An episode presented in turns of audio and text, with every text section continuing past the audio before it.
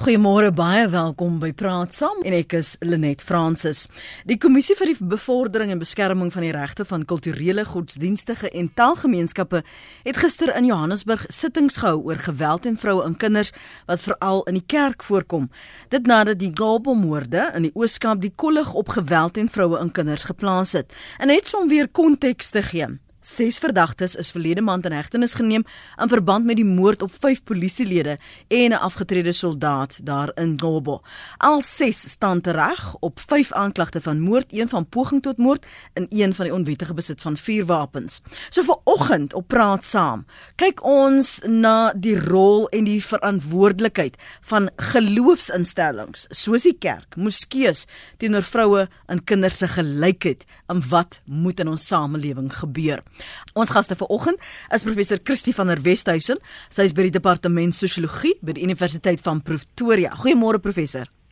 Môre net, lekker om saam met julle te wees. Baie dankie professor Christina Landman is direkteur vir navorsing by die Navorsingsinstituut vir Teologie en Godsdiens uh, by Unisa. Goeiemôre professor Landman. Goeiemôre. En Benedet Mutien is deeltydse kommissaris by die kommissie vir die bevordering en beskerming van die regte van kulturele godsdienstige en taalgemeenskappe, die CRL kommissie. Goeiemôre Benedet, baie dankie vir jou tyd vanoggend. Goeiemôre mense. En laat ek dit vir al drie vroue sê, dit is vir my 'n voorreg om al drie van julle op dieselfde tyd op my program te hê. Baie dankie vir julle beskikbaarheid. Kom ek val weg met jou Benedet. Julle het gister daardie sittings gehad. Geen net vir ons luisteraars bietjie agtergrond van die tipe stories en gesprekke wat gister aan die lig gekom het. Uh, dankie uh, Lenet. Um, dis 'n plesier om net julle te weet vanoggend. Um, gister uh, uh, uh, tyd gelede het um jong me, me jong vroue, jong dames um en meisies die kommissie um kan ek my Engels praat? ja nee, gaan voort. Praat liewer in Engels, ja. Uh, some time ago um the the the commission was approached by survivors of sexual abuse by um um the pastor called Timothy Omotoso who is um um you know um he's um he's being investigated for sexual abuse and um, we um, endeavored to investigate this. Um, simultaneously, a young lady who uh, who entered initiation school uh, to be trained as a sangoma, uh, she um, complained to the commission about having been sexually abused by her master, as she calls him. In other words, the sangoma who trains initiates into becoming sangomas themselves. And um, yesterday, four young women testified. Amongst the guests were obviously government officials, um, but also NGOs. And I took responsibility for inviting some of my old GBV activist colleagues. Mm. And these were hardened veterans of combating gender based violence. And they were um, in agony. It was so deeply traumatic listening to the stories of grooming by these men, Omotoso being um, um, an extremely proficient and experienced groomer of young girls and um, and you know how he raped them uh, for the first time and then subjugated them to sexual abuse consistently, persistently. He exercised power and domination over them. Um, he humiliated them and stripped them of dignity, which is typical. And he groomed them from very young, one as young as 14. Um, so it was deeply traumatic. It shows that we need to look at the ways in which we hold people accountable in our society and none more so than faith leaders. Hmm. As as sy praat van oe, so jonk as 14 professor van 'n Wesduisen wat gebeur en het gebeur in ons samelewing wat daardie kwesbaarheid so blootstel en die die gaping laat vir hierdie tipe van grooming om plaas te vind om 'n halfe tuiste 'n fop tuiste te skep waar kinders en vroue in 'n mate geestelik geborge voel, maar dan uitgebuit word.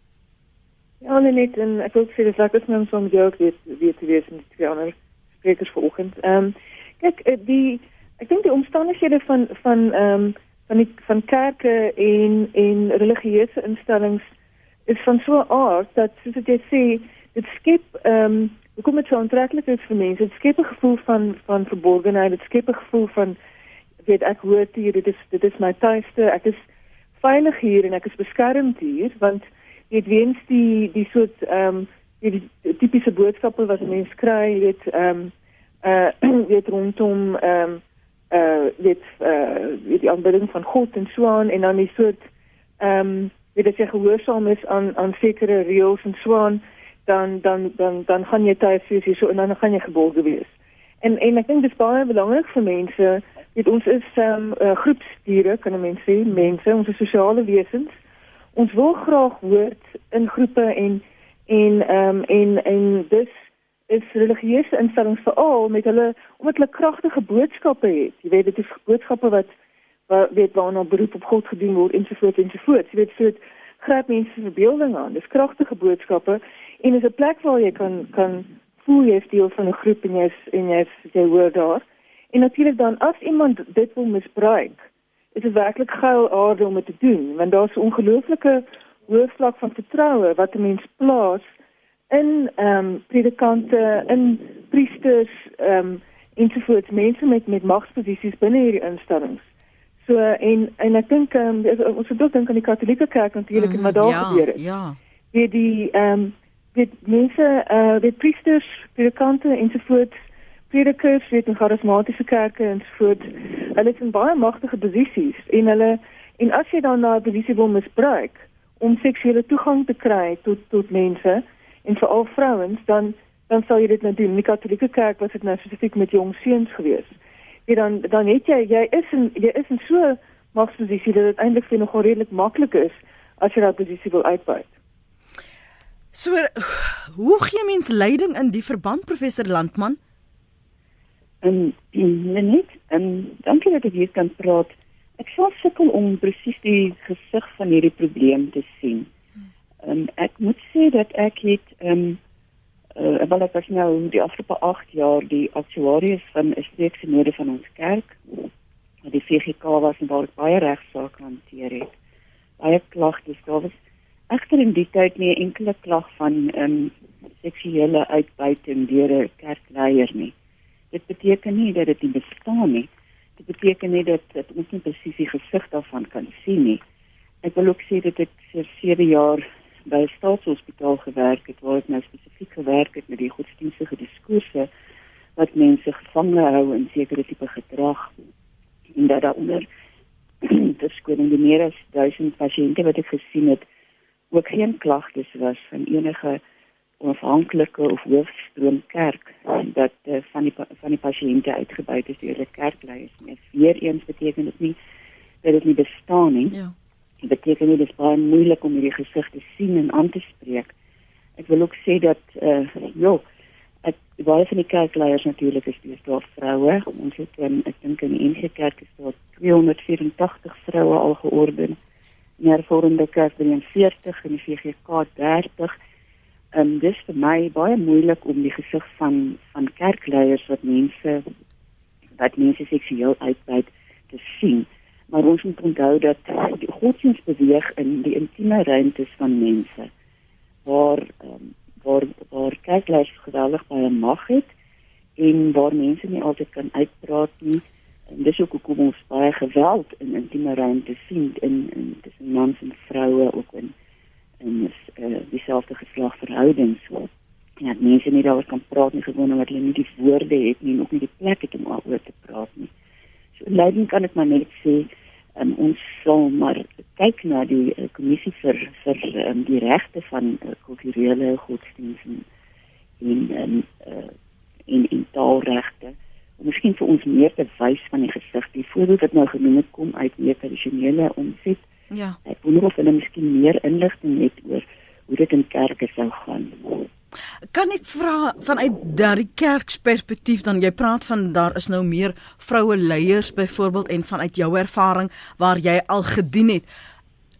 Hoe sou jy die posisie van die vroue in geloofsinstellings meer spesifiek dan nou die kerk vanuit jou agtergrond vandag beskryf. Hoewel jy praat van 'n sekere groep wat vroue leiers is, so hulle neem dienste waar en sou ek aanneem, eredienste en so meer in gebedsgroepe, maar die vroue wat hulle bedien word hulle op dieselfde manier aanvaar aanvaar mans daardie vroue leiers op op dieselfde manier waarop hulle 'n manlike leier byvoorbeeld sou aanvaar as die gesag werklik dieselfde?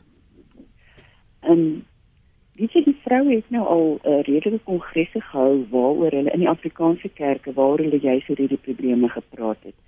En ehm um, daar is soos ek sê weer eens baie moeilik om hierdie gesig heeltemal ehm um, raak te sien van van die probleem as wat 'n probleem is.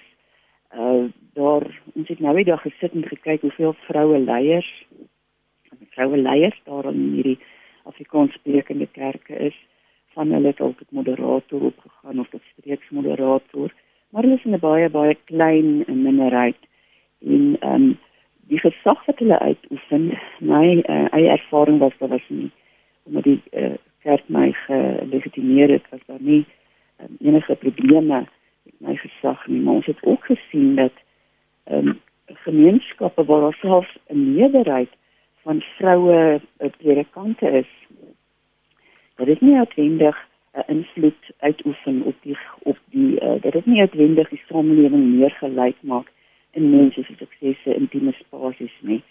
Um, in 'n gemeenskap waar ek gewerk het, was drie van die groot kerke, twee van hulle het vroue predikante gehad, maar die samelewing self is daar geweldige is daar geweldige ehm um, uh, um, abuse geweld teen vroue gewees, geweldige geweld teen vroue. Maar nie 'n navorsing of enigiets kon daai geweld eintlik bloot lê nie. En die mense het gewoon wanneer jy hulle ondervra het, hulle polities korrekte antwoorde gegee. Ehm um, en die vroue kon nie kon nie regtig daarin opstaan nie. So ek um, ons vind dit baie moeilik om daai verskynsel te ondersoek of aan te spreek. Maar ehm um, daarom wat wat ek en ander mense doen is wanneer ons preek, dan preek ons nie soveel oor vroue uit die Bybel as oor mans. Met met ander woorde, net om die vroue van die rand ja. af na die sentrum te bring mm. sonder dat ons um, uh, sonder dat ons uh, uh, jy weet as dit 'n vanselfsprekende ding is, nie meer as 'n vroue 'n randverskynsel is of 'n probleem nie, maar gewoon as 'n vroue net deel is van die uh, die die, die core business van die kerk. Mm. Benedet, as ons net teruggaan na na gister se sittings en jy het verwys na wie almal daar verteenwoordig was, kan jy dit duidelik in kategorieë dalk uh, versamel waar jy sê dit is die drie uh, toppunte dan nou uh, wat wat uitgestaan het of wat belig is. Areas that we need to focus on that that needs to be highlighted um that you can categorize?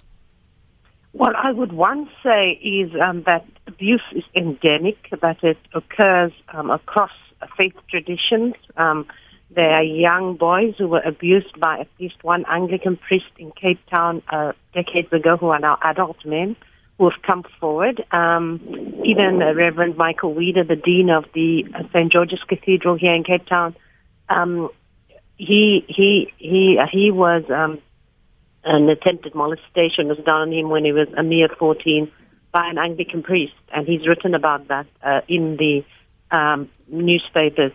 So, um, so the first thing is that it's not an anomaly, it's not odd, it's not strange, but it occurs every day to boys, girls, and women um, in our society, mostly perpetrated by men. The second part of it is that um, though we, you know, we, we understand and we, uh, you know, we hear about abuse every day, the, the, the, to, to, to hear the extent of the abuse, the ways in which um, these men prey, men of power prey on girls and innocent and vulnerable girls is and was very, very shocking and traumatic yesterday. Um, the one uh, girl, uh, in fact, uh, several of the girls referred to Omotoso as daddy, sure. and he found them. They, they, you know, usually with these cases where the most vulnerable girls are the ones uh, with, you know, in a household where there's only a mother, female-headed household, and so there is no father figure. So the girls are seeking this father figure, and they say so too that they they assumed that the man would be their father figure and he, they all refer to him as daddy, which is ironic if he's raping them mm. daily. Um, then that they're calling him daddy, um, and they also refer to him as a man of God repeatedly. Um, in, you know, illustrating again the extraordinary power he has over them, treating him like a god himself. So, um, and the irony then of, you know, the abuse uh, we do need um, people to be held accountable in our society as Omotoso is now in prison. Um, we need systems of regulation. Um, one activist um, the director of uh, GRIP, Greater Rand Intervention Program, I think it's, is its name. Uh, her name is Sakina Mohammed, one of the hardened veterans of the gender-based violence movement. She said, we absolutely need to um, make an, you know, we need to find ways to banish pop-up churches because if you go downtown, any city in South Africa uh, where the more dilapidated buildings where the cheaper rentals mm. are, there will be a pop-up church. In the school at the back of my house, uh, people are renting the school and, and, and, and the, that's where they gather on weekends and, and worship. So um, who holds these people accountable? Are they drugging parishioners? There are claims that some some some pastors are drugging parishioners. Simultaneously, um, the most important thing is I think that religious leaders themselves need to hold each other accountable. So Christians, uh, Protestants, they need to hold each other accountable. If something is wrong in the Anglican Church, it's the Anglicans that will hold the people accountable. In the same way that Pentecostal churches must hold each other accountable, they cannot have omotosos and everybody else running around and perpetrating this extraordinary abuse. But additionally, Home Affairs and uh, must clean up its systems. It must find a way. We don't need additional pastors. We have proliferation of pastors in South Africa. In some instances, you can do a, a, a, a long distance study course for three months, and then you can become a reverend.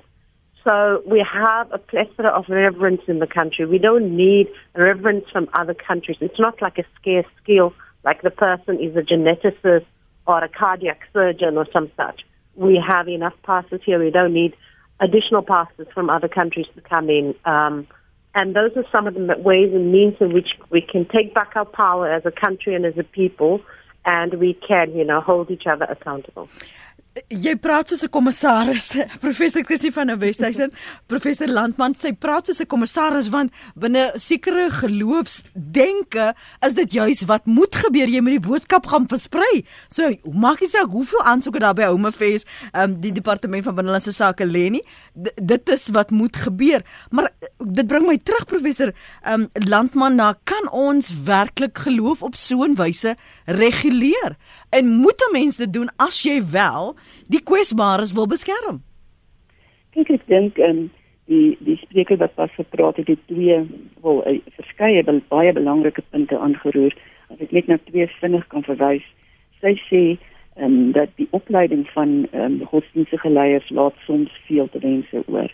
En ek dink daar kan um, die uh, regte kommissie dan nou uh, die die godsdienstregte kommissie 'n baie belangrike rol speel. Um, ek het al voorheen op hierdie program gesê ek dink gunste daarvan is dat godsdienstige instellings um, hulle moet laat registreer by hierdie kommissie.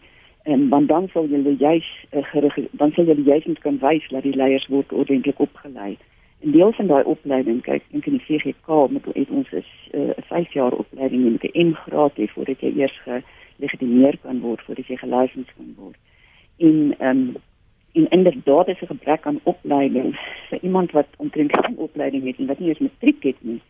En ek sal sê 90% van ons van van van ons kerkleiers daar ons het oor die 10000 kerke in Suid-Afrika waarvan die kommissie nie uh, wat, wat nie geregistreer is nie waarvan die kommissie waarskynlik nie eens weet nie waarvan niemand van ons weet nie want dit word weekliks gestig er word 10 kerke 'n week in Suid-Afrika gestig en as daar geen opleiding is nie dan um, en en jy gee vir iemand soveel mag oor mense, dan is dit natuurlik begin 'n groot moeilikheid.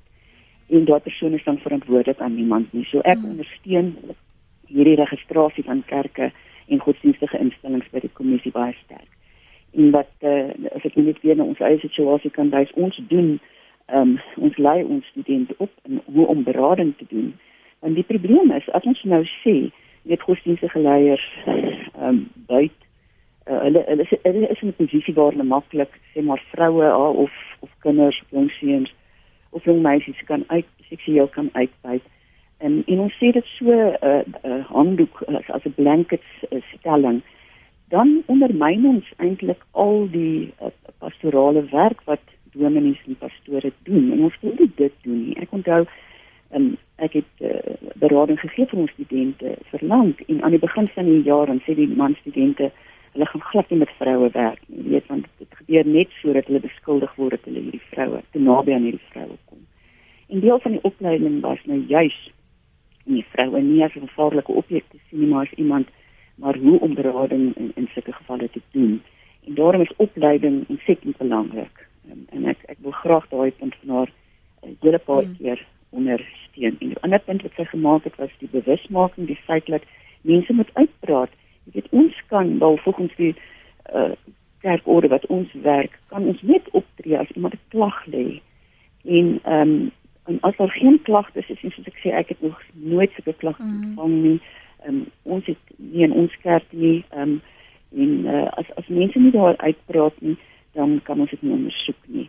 Hoekom praat nie daaroor uit nie? Ons weet almal dis maar hier systems of honor and shame, dit is net so 'n ontsaglike uh, skande um, as as jy op hierdie kant of jy dominee of jy pastoor en dit en dit doen dit natuurlik ook die mag um, jy jy is natuurlik ook bang dat hy die mag het om jou uh, regtig van die aarde af te vee um, letterlik in die outerlik land. Of gaan of jy gaan betoor Christina uh, of jy gaan betoor dat dat jy nie meer 'n ja. kind van God gaan wees nie. En die vrees dat, van God in die hel ja. in jou in uh, praat.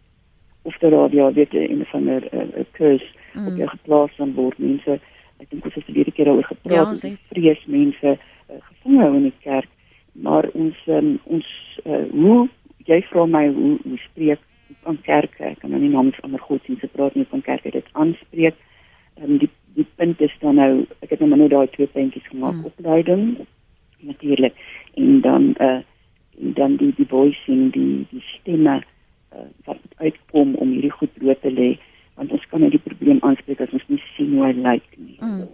Ek weet jy wil uh, Christie professor Christie van die Wesduisen ek weet jy wil aanraak van die punte wat albei van hulle uh, ter tafel geplaas het maar dan wil ek ook jy moet aansluit en en met my en die luisteraars praat oor bestaan daar nie net in geloofsinstellings nie maar in Suid-Afrika 'n beweging van sisterhood van susters wat saam staan?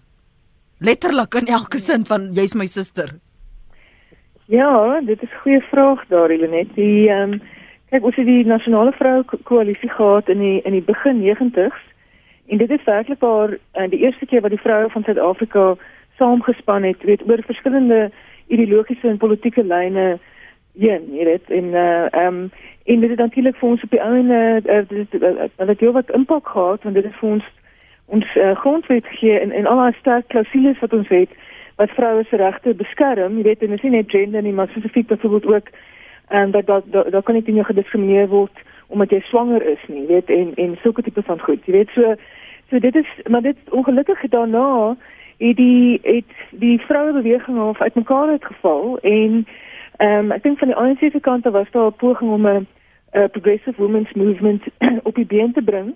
Maar dit lyk vir my die vroue is maar eintlik maar dieselfde vroue van die ANC vroue liga. Jy weet so daar's nie nodig hulle kon nie regtig na ander vroue uitreik wat buite die die organisasie wat buite die ANC is nie. Net so so die die kwessie van van 'n van 'n breë front van van uh, vroue wat vroue en mans so ek sê wat wat saam byvoorbeeld opstaan teen seksuele geweld. Weet dit is nog nie ons het nog nie so iets nie. Nou is 'n 'n kleiner regeringsorganisasie van dink women and men against gender based violence. Jy weet so daar so dit ten minste definitief op die op die vlak van nie-regeringsorganisasies het ons hier en daar organisasies wat daaraan werk en hulle kom saam soms Maar ons het eintlik weet weet 'n breë front sou natuurlik baie help om hierdie soort stryd voort te sit. Jy weet, ehm um, maar ek wil ook net sê in terme van dit wat Bernadette nou vroeg gesê het oor hierdie pop-up churches. Ek dink dit is weer ek nou onlangs op hierdie syde van Johannesburg gery en ek was verstom om te sien letterlik op nie eens op elke straathoek nie, weet sommer tussenin ook. Weet jy jy jy het let, jy het oral jy van hierdie kerke en jy kan ehm um, sien dat ehm um, soos ek sê dit is die mees gehawende geboue wat half uitmekaar uitval en dan sonder nou hierdie kerk daarin met obskure name en so aan. En ek dink die rede wat mense weet as jy nou kyk na die groter konteks vir die rede hoe weet ehm um, hoekom mense die so kerk sien opkom is natuurlik ons politiek-ekonomiese omstandighede tans. Dit ehm um, ons is nou weet in hierdie huidige fase van van die liberale kapitalisme is is daar groot onsekerheid, jy weet oor werkloosheid is ongelooflik hoog. Ehm um, globaal is daar ook onsekerheid weet hulle praat van in Engels van precarity, dit mm. mense is in 'n prekêre posisie, jy weet nie of jy werk gaan kry of nie. En en dit natuurlik maak godsdiens 'n belangrike weet iets waarna jy kan gryp. Jy weet dit dit skep 'n soort van 'n anker in jou lewe. Jy weet so ek dink dit is die so mense weet die ehm um, uh, liberaliste wat in die in die verlede weet uh, gesê het jy weet uh, godsdiens gaan gaan uitsterf. Dit gaan nie so populêr wees nie. Ek dink hulle hulle sien presies die teenoorgestelde tendens. En natuurlik skep dit ook juist dieselfde omstandighede wat mense laat gryp na godsdiens. Is ook ehm um, weet dit skep ook natuurlik ehm um, 'n aanvraag dan vir mense wat moet wat dan toetree tot uh, en en en predikers word en so aan. En natuurlik hoef jy nie eintlik jy hoef nie 'n kwalifikasie weet in 'n ongereguleerde omstandigheid mm -hmm. verstaan jy nou met kerke wat nie reg gereguleer word nie. Hoe jy jy jy kan eintlik dis as jy self op soek is na iets om te doen, jy moet een of ander jy moet geld verdien, weet dan dan sit jy so en jy is nogal 'n charismatiese mens wat daarvan hou om uh, jy weet om te praat en so aan, jy weet dan uh, dan dan dan is dit nogal 'n goeie werksopsie hmm. vir jou en jy kan eintlik op jou eie skrik baie geld maak daai. Ja. En en en onder sulke omstandighede waar dit juis so ongereguleerd is, is dit baie moeilik om mense verantwoordbaar dan te hou. Dis so iets ding, so ek ek sou definitief saam met Christina ook stem dat ehm um, dat die regulering van hierdie kerke is baie belangrik want want tans beteken dit weet ek dink van die mense is waarskynlik goeie mense. Ek dink nie almal almal is waarskynlik sleg nie, maar maar jy gaan ook al opportuniste kry wat eintlik daar is vir 'n ander rede. weet net om om uh, om geld te maak of om um, om om om om, om seksuele toegang tot tot vrouens en en kinders te kry. Ek luister en lees graag wat sommige van julle hier op ons webblad skryf. Kom ek gaan eers na www.rsg.co.za. Connie van Danenbaai sê MJ Gillis bewoord die werklikheid van vroue dwars oor die wêreld as volg in haar navorsing: A call for the feminization of human rights, church a society and um, women are undervalued and threatened in their roles as wives, mothers, farmers, laborers, managers. Their potential to be decision makers, innovators, and equal participants in society is severely undercut by social systems that are discriminatory and relationships that are abusive. Theo Bouman van Klerksdorp skryf daar is hopeloos te veel franchises van die Christelike geloof in Suid-Afrika en behoort deur wetgewing beheer te word. Mense word uitgebuit en finansiëel onder druk geplaas. I'm in hell on. Uh, I'm your master but you may call me pastor. Ruk hand uit. Belasting moet ook gehef word op hierdie instansies.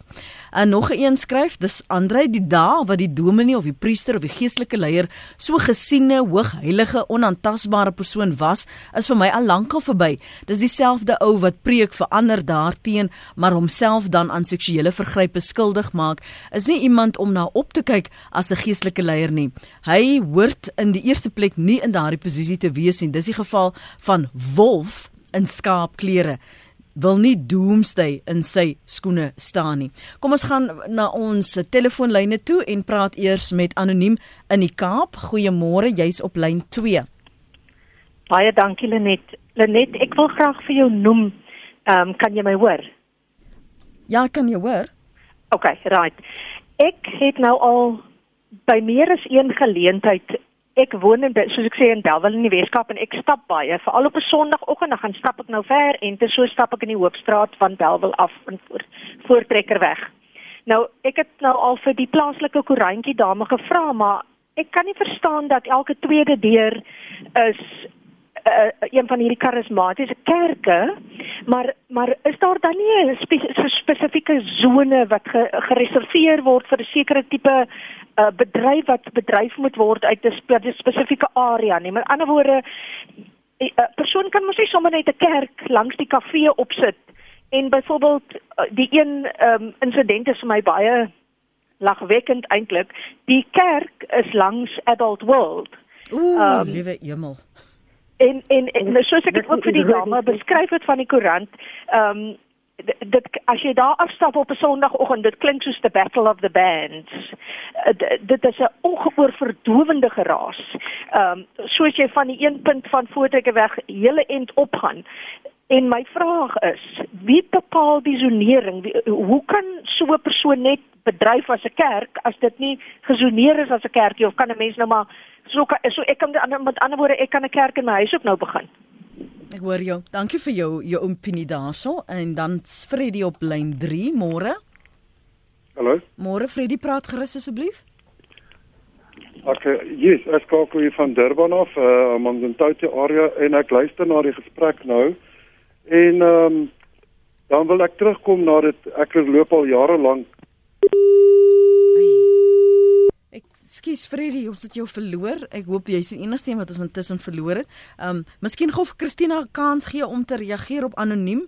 Ehm um, wat ons nou ja, eintlik maar Ja, sy, ja, sy maak 'n awesome. baie belangrike ehm um, sy maak 'n baie belangrike ehm um, uh, observasie daar Mm. En ek dink dit is juist waarmee Bernadette en die kommissie ehm um, uh, sukkel om te doen of wat hulle graag wil doen maar hulle het nou nog wetgewing nodig om dit te doen. en dit is dat kyk baie van hierdie onafhanklike kerke en ek sê nou ehm um, daar word daar word sommer weekliks nuwe kerke gestig. Die leier die baie keer nie is matriek nie, maar 'n droom gehad of 'n visioen en dan begin hy 'n Mm. kerk. En hy kan 'n kerk enige plek begin op die oomblik. En baie keer onder 'n boom. As mense ry dan sien jy daar sit mense onder bome. En mense nie ondermyn wat hulle doen nie. Maar ek uh, uh, persoonlik dink dat hulle moet geregistreer word en in terme van opleiding en in terme van ehm um, uh, accountability en in terme van dat hulle moet kan uh, rapporteer wat hulle doen. Daarom is dit regtig baie belangrik dat die kerke geregistreer word. Anderster, soos ek sê, is ons uh, is, is mense wat baie behoeftig is, emosioneel behoeftig is, spiritueel behoeftig is, geweldig uitgelewer hieraan. En daarmee wil ek nie daardie tipe van spontane spiritualiteit ondermyn nie. En as daar 'n behoefte is, weet ek was nou die dag was ek in 'n 'n groot nedersetting, informele nedersetting daar in, in Rustenburg naby die myne. En daar's niks, daar's nie water nie, daar's nie daar's nie uh, elektrisiteit nie, daar's nie skole nie, maar daar's kerke. En die kerk is in 'n shack, die kerk is in 'n waarop al en dit die verskillende behoeftes en en natuurlik die hoofstroomkerke sal nie eers toe gaan nie, hulle sal nie eers daarin gaan nie. Op plase en kom in in compounds, 'n kamponge, daar sien jy daar ontstaan sulke kerke want die mense het nie vervoer om na enige ander plek toe te gaan nie, hulle spirituele behoeftes in hierdie kerke ontstaan spontaan. Ehm um, so dis baie moeilik om dit te reguleer. Aan die een kant daar is net hierdie behoefte van mense om om om spiritueel te vergader en dit niks nie, dit niks anders as net dit nie. Maar aan die ander kant um, kan mens nou wel vra, kan dit net so opspring, kan dit net links en regs opspring en iemand die nie verantwoordelikheid en neem nie verantwoordelikheid vir wat daar aangaan nie. Mm. Ek wil net ook gou sê, jy het net nou ge, gevra of daar dan nie 'n sisterhoods is wat um, vroue se probleme aanspreek nie. Ek wil net sê ons het 'n Circle of African Women Theologians wat reg oor die hele Afrika um, die Engels nou weer chapters het, wat in Suid-Afrika verskillende chapters het waar vroue bymekaar kom. Dit is meer akademiese uh, byeenkomste waar vroue dan hulle navorsing wat hulle dan doen oor hierdie onderwerpe.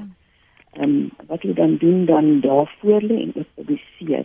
En so kom baie van die dinge uit.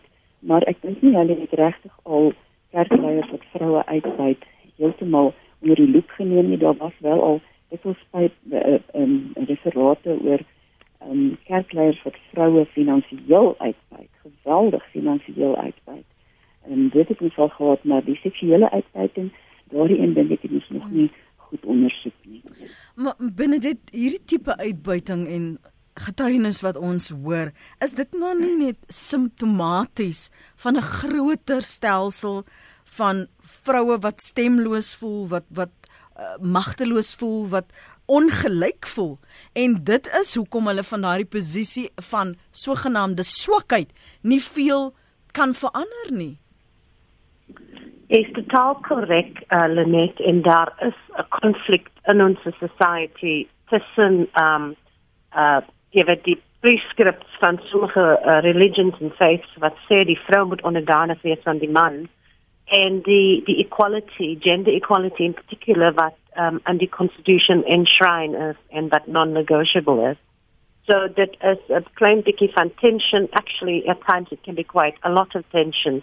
And it's this tension that we must resolve as a society and um, our institutions must re- resolve because you can't have one system preaching inequality on the one hand, um, and and you know, and have you know, saying that people have equal rights. Um, this, the Constitution is the supreme law of the land. The joy of the Constitution and our beautiful country and democracy, with all its challenges, is that we have institutions. We don't just have a Bill of Rights and a Constitution. We have institutions to guarantee those rights. So I want to say the thing that happened to me, one of the most shocking things was there's a there's a there are two girls who are twins, almost identical, and the one girl who was the first one to be raped by um, by Pastor Timothy Omatoso uh, said that after the rape, she went downstairs to speak to her other twin, and uh, she was extremely upset. Um, and she said and, and demanded that they leave immediately. And of course, the other girls who were all there parading in, in, in miniskirts, etc., around the house, said that they were all survivors of abuse and that they have to put up with it and no, the twins shouldn't leave, etc. Now, had the twins left at that point, the other twin wouldn't have been raped, and the, both of them wouldn't have been repeatedly raped over a prolonged period of time. And uh, they might have been able to intervene in further rape.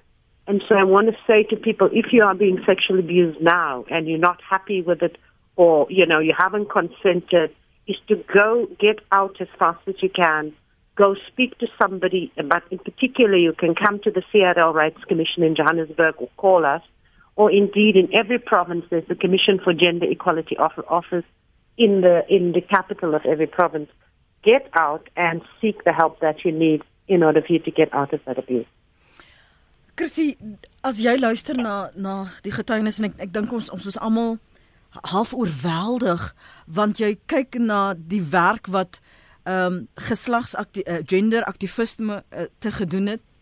Jy kyk na die dit wat die ANC vroue liga veronderstel is om te doen en ander vroue organisasies soos die departement van vroue en kinders en gestremde se sake.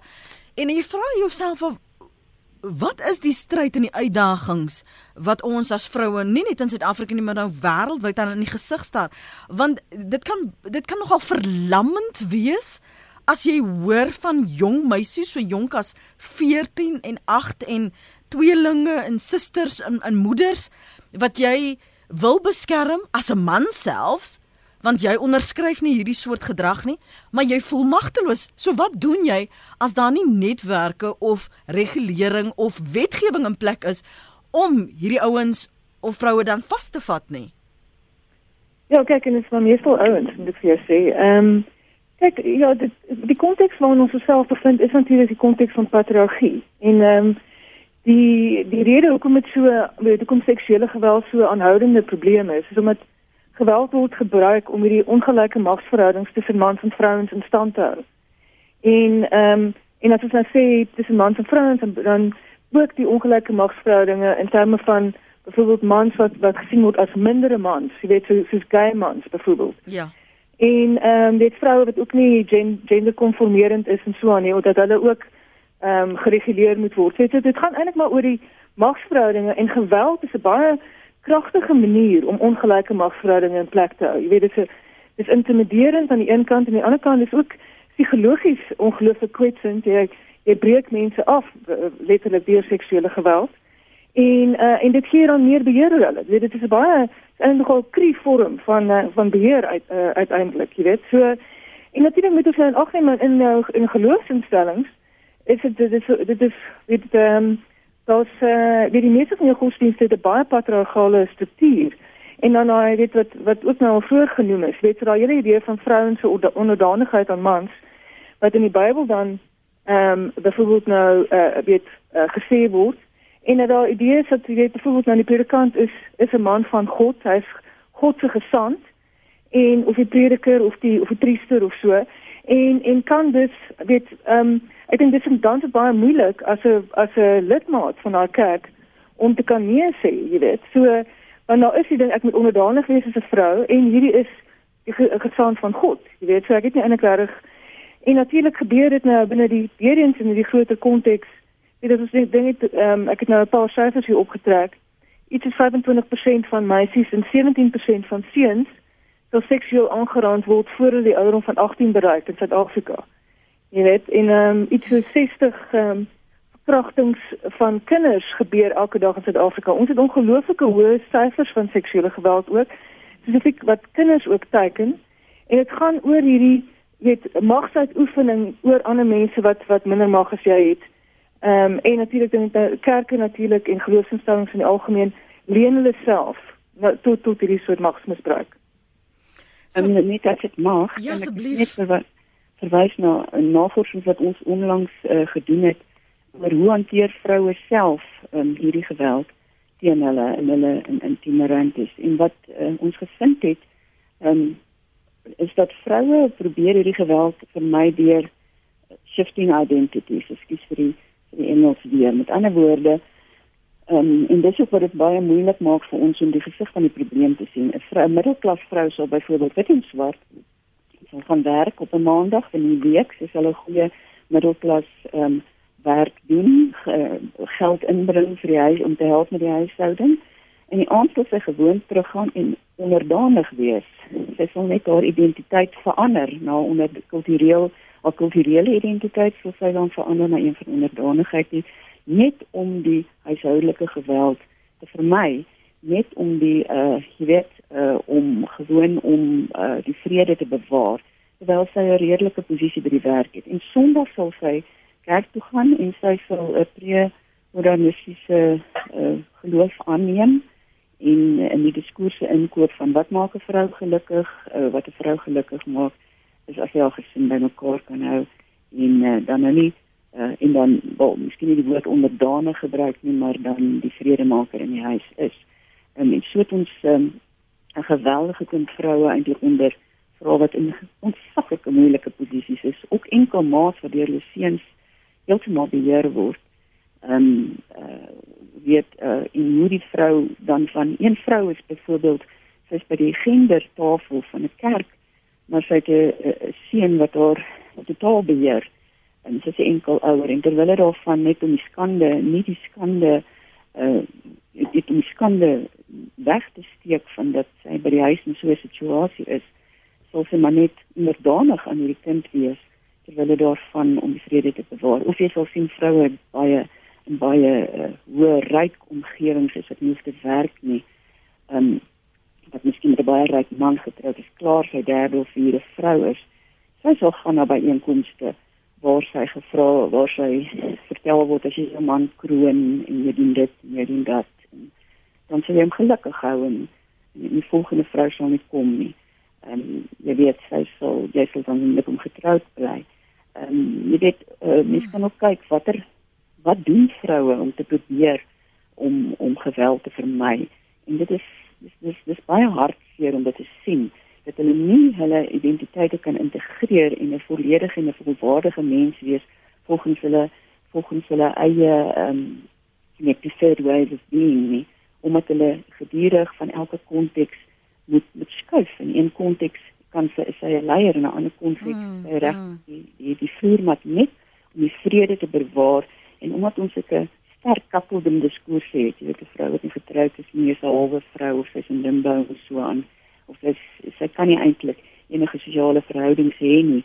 Ehm um, daarom skuif vroue hulle identiteite om hierdie geweld te vermy. Mm. En dit is een van die groot ongelukkighede van ons samelewing en maak dit ons nie regtig hierdie probleem kan raak sien nie. So as vroue 'n strewe het om mans te kroon, wat dit ook al in daai vrou of man se leefwêreld die konteks sou wees, hoe bemagtig vroue ander vroue? Hoe bemagtig ek my suster om haar kroon vir haar kop terug te sit binne dit. Hoe ondersteun uh, ek as ma of ek as suster of ek as vrou of ek as 'n vroue leier in 'n kerk of in so 'n gemeenskap ander vroue wat dit of nie glo nie of nie dit eie nie. Jy weet net as jy nou mooi dink, um ons kan nie iemand anders support. It's like die um die um, oxygen masks op die plane. Oh, ja. Of as jy vlieg. Jy kan nie iemand anders support as jy jouself supported feel me. So if you have a sense of confidence, a sense of balance and that jy imbue dit met jou human dignity, dan kan jy beter ander mense support. So ons moet werk aan mense hulle self opbou, confident enough voel sodat daar genoeg generosity kan wees om ander mense te help. underpinning all our, our, our, our, you know, our whole continent and indeed many societies, if we look deep enough, is this notion of Ubuntu. I am because of you, a compassionate sort of community orientation. And if we, you know, when we feel that there is enough to go around, we can indeed share. If we feel a sense of scarcity, whether that scarcity is real or not, we'll be fighting with one another and tearing out each other's um, eyes and hair.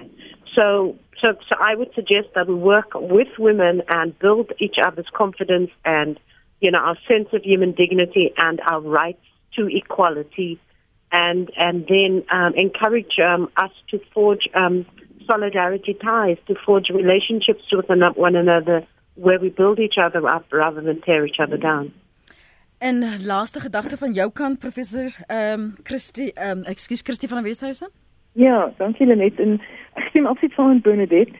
Ehm um, en dan wil ek byvoeg ons natuurlik nou ook net omdat ons is aan die tyd van #MeToo. Mm. So daar's daar is vroue, ek dink daar's daar's beter om 'n groot verskywing plaas te vind, want wanneer een manier waarop hierdie soort geweld voortgesit word, is deur die die sluier van stilswye daar te trek.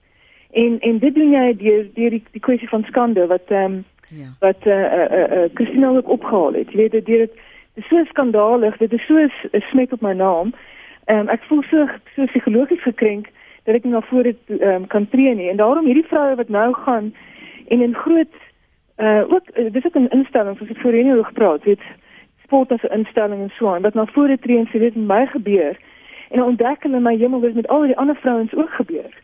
Jy weet so en ek dink dit is dit is die pad vorentoe. Dit is dat dat vroue moet sien hierdie is iets wat wat wat dit is nie uh, uniek aan my nie. Dit is iets wat in die algemeen plaasvind. Dit gaan oor mag en ek moet ek moet hande vat met ander mense opstaan net uh, daarteen.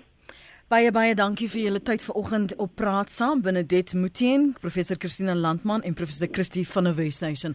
Waardeer julle insette. As jy weer na ons program wil luister, veral vanmôre sin, gaan na ons webblad www.rsg.co.za. Jy kan die pot gooi pot gooi daar gaan aflaai.